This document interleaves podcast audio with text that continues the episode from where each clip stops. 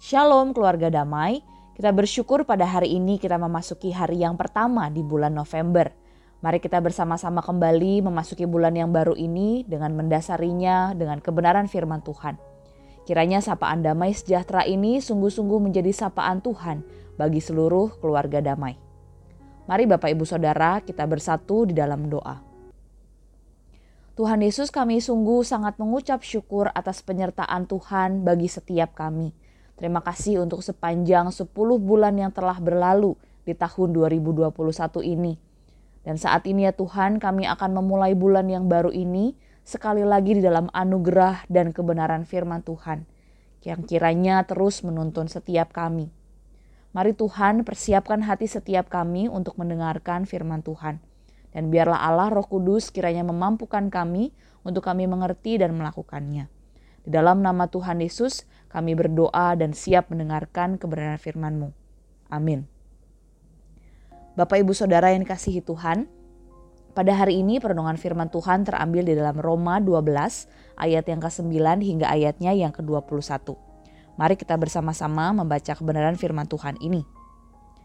Nasihat untuk hidup dalam kasih. Hendaklah kasih itu jangan pura-pura. Jauhilah yang jahat dan lakukanlah yang baik Hendaklah kamu saling mengasihi sebagai saudara dan saling mendahului dalam memberi hormat. Janganlah hendaknya kerajinanmu kendor, biarlah rohmu menyala-nyala dan layanilah Tuhan. Bersukacitalah dalam pengharapan, sabarlah dalam kesesakan, dan bertekunlah dalam doa. Bantulah dalam kekurangan orang-orang kudus, dan usahakanlah dirimu untuk selalu memberikan tumpangan.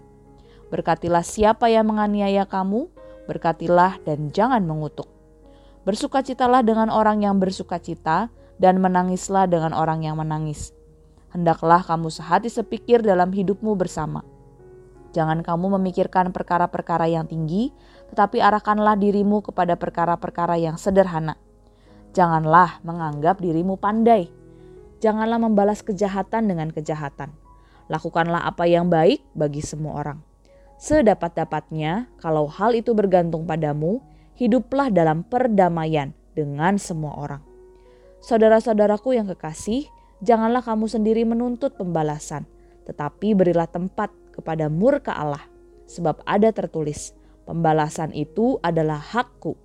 Akulah yang akan menuntut pembalasan, firman Tuhan. Tetapi jika seterumu lapar, berilah dia makan. Jika ia haus, berilah dia minum dengan berbuat demikian, kamu menumpukan bara api di atas kepalanya. Janganlah kamu kalah terhadap kejahatan, tetapi kalahkanlah kejahatan dengan kebaikan. Sedemikian jauh pembacaan firman Tuhan kita pada hari ini. Bapak, ibu, saudara, tema perenungan kita pada hari ini adalah nasihat hidup di dalam kasih.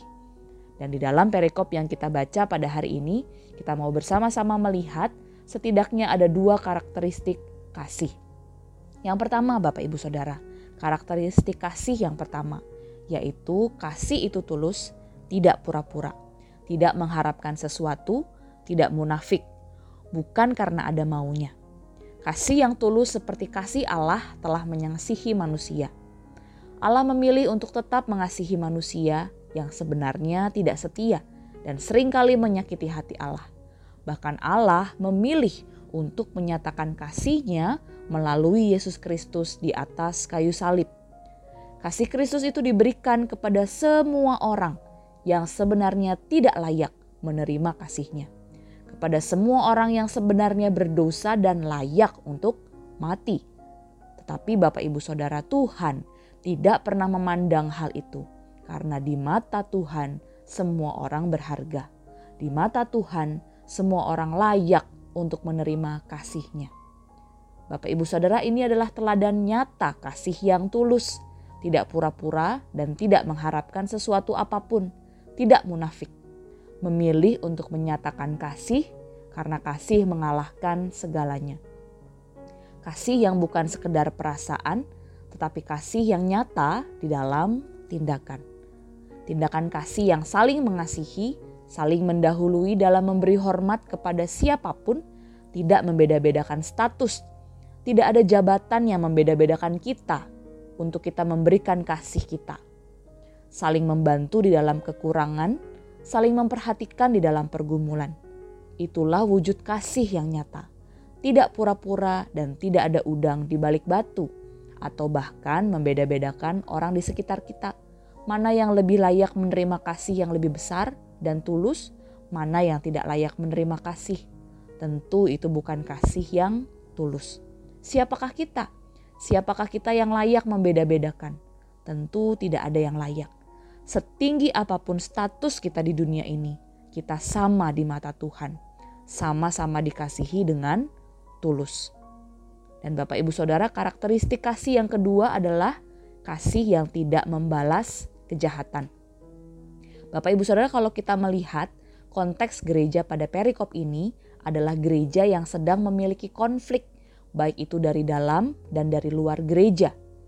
Konflik dari dalam yaitu antara orang Yahudi Kristen dan Gentile Kristen, yaitu orang-orang yang bukan Yahudi dan kemudian percaya kepada Tuhan.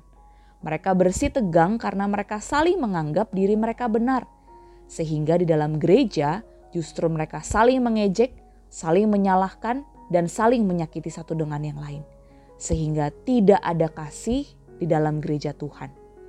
Ditambah lagi dengan konflik dari luar yaitu penganiayaan pemerintahan Romawi. Ada begitu banyak penganiayaan yang diterima jemaat Tuhan karena iman mereka kepada Tuhan Yesus. Mereka menerima siksaan, menerima penderitaan yang begitu berat karena iman mereka. Karena begitu jahatnya pemerintahan Romawi pada waktu itu. Bapak Ibu Saudara di dalam konflik yang terjadi di dalam dan di luar gereja, firman Tuhan mengingatkan mereka dan juga setiap kita yang mendengarkan hari ini. Justru untuk memberkati orang yang menganiaya, jangan mengutuk mereka. Nasihat untuk saling merendahkan hati, jangan menganggap dirimu sendiri pandai, jangan membalas kejahatan dengan kejahatan. Lakukanlah apa yang baik bagi semua orang. Hiduplah dalam perdamaian. Bapak, ibu, saudara, kasih itu tidak membalas kejahatan dengan kejahatan karena di dalam kasih terkandung pengampunan. Kasih tidak menuntut pembalasan, tetapi menyadari bahwa pembalasan adalah hak Allah dan Allah sendirilah yang akan menuntut pembalasan itu sendiri. Oh Bapak Ibu Saudara, Allah tahu benar kalau kita mungkin memiliki sakit hati karena kita disakiti oleh orang lain. Tetapi Allah tidak mengizinkan kita mengambil haknya untuk membalaskan kejahatan. Allah tentu tidak diam melihat kejahatan, tetapi Allah masih memberikan waktu kepada orang-orang tersebut untuk bertobat. Bahkan Allah memakai kita. Suatu kehormatan jika orang yang percaya tidak membalas kejahatan dengan kejahatan, tetapi justru memberikan makan ketika seteru lapar, memberi minum ketika mereka haus. Dengan demikian, kita sedang menumpuk bara api di atas kepalanya. Hal ini menunjukkan bahwa membalas kebaikan kepada orang yang berbuat jahat, maka sebenarnya mereka sendiri yang akan malu dengan perbuatan jahatnya, dan pada akhirnya mereka melihat pengampunan dan merasakan kasih Kristus di dalam diri kita. Mari, Bapak, Ibu, Saudara, jemaat GKI Damai, kita pun belajar untuk hidup di dalam kasih, kasih yang tulus tidak munafik, kasih yang tidak membalas kejahatan dengan kejahatan, menyatakan kasih kepada semua orang sebagaimana Tuhan Yesus telah mengasihi dan mengampuni kita. Tentu, hal ini bukanlah hal yang mudah untuk bisa mengasihi mereka yang menyakiti hati kita. Tetapi kita percaya bahwa Roh Kudus yang akan terus menuntun dan yang akan mengajarkan kita bagaimana melakukan kebenaran firman Tuhan ini belajar untuk mengampuni dan mengasihi mereka yang telah menyakiti hati kita. Kiranya kasih yang daripada Tuhan Yesus Kristus memampukan kita memenuhi hati kita dengan kasih Kristus, sehingga kita dimampukan untuk mengasihi sesama kita, bahkan yang telah menyakiti hati kita. Mari, Bapak, Ibu, Saudara, kita berdoa bagi mereka yang pernah menyakiti hati kita.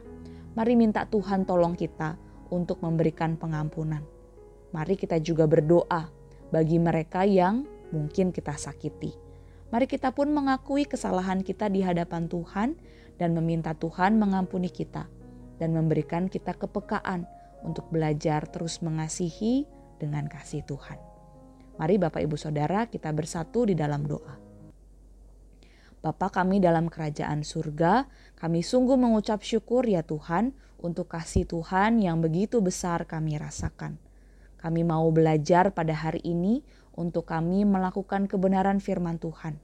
Kami rindu kami dimampukan untuk hidup di dalam kasih, secara khusus menjadi pribadi anak-anak Tuhan yang mengasihi dengan tulus dan mengasihi dengan tidak membalas kejahatan dengan kejahatan tetapi kami belajar untuk mengampuni, belajar untuk merendahkan diri di hadapan Tuhan dan di hadapan sesama kami, supaya kami tidak menganggap diri kami benar, tetapi kami saling mengasihi, saling mendahului dalam memberi hormat, dan kiranya Tuhan sendiri yang hadir di tengah-tengah kami memberikan damai sejahtera. Kiranya Tuhan yang tolong mengampuni setiap kami juga yang mungkin menyakiti orang-orang yang ada di sekitar kami. Kiranya Tuhan sendiri yang tolong kami ya Tuhan sepanjang hari ini. Kami rindu untuk kami melakukan firman Tuhan ini. Memberikan kasih yang tulus dan kasih yang tidak membalas kejahatan dengan kejahatan. Tuhan tolong setiap kami. Di dalam nama Tuhan Yesus kami berdoa dan mengucap syukur. Amin. Selamat beraktivitas Bapak Ibu Saudara. Tuhan Yesus memberkati.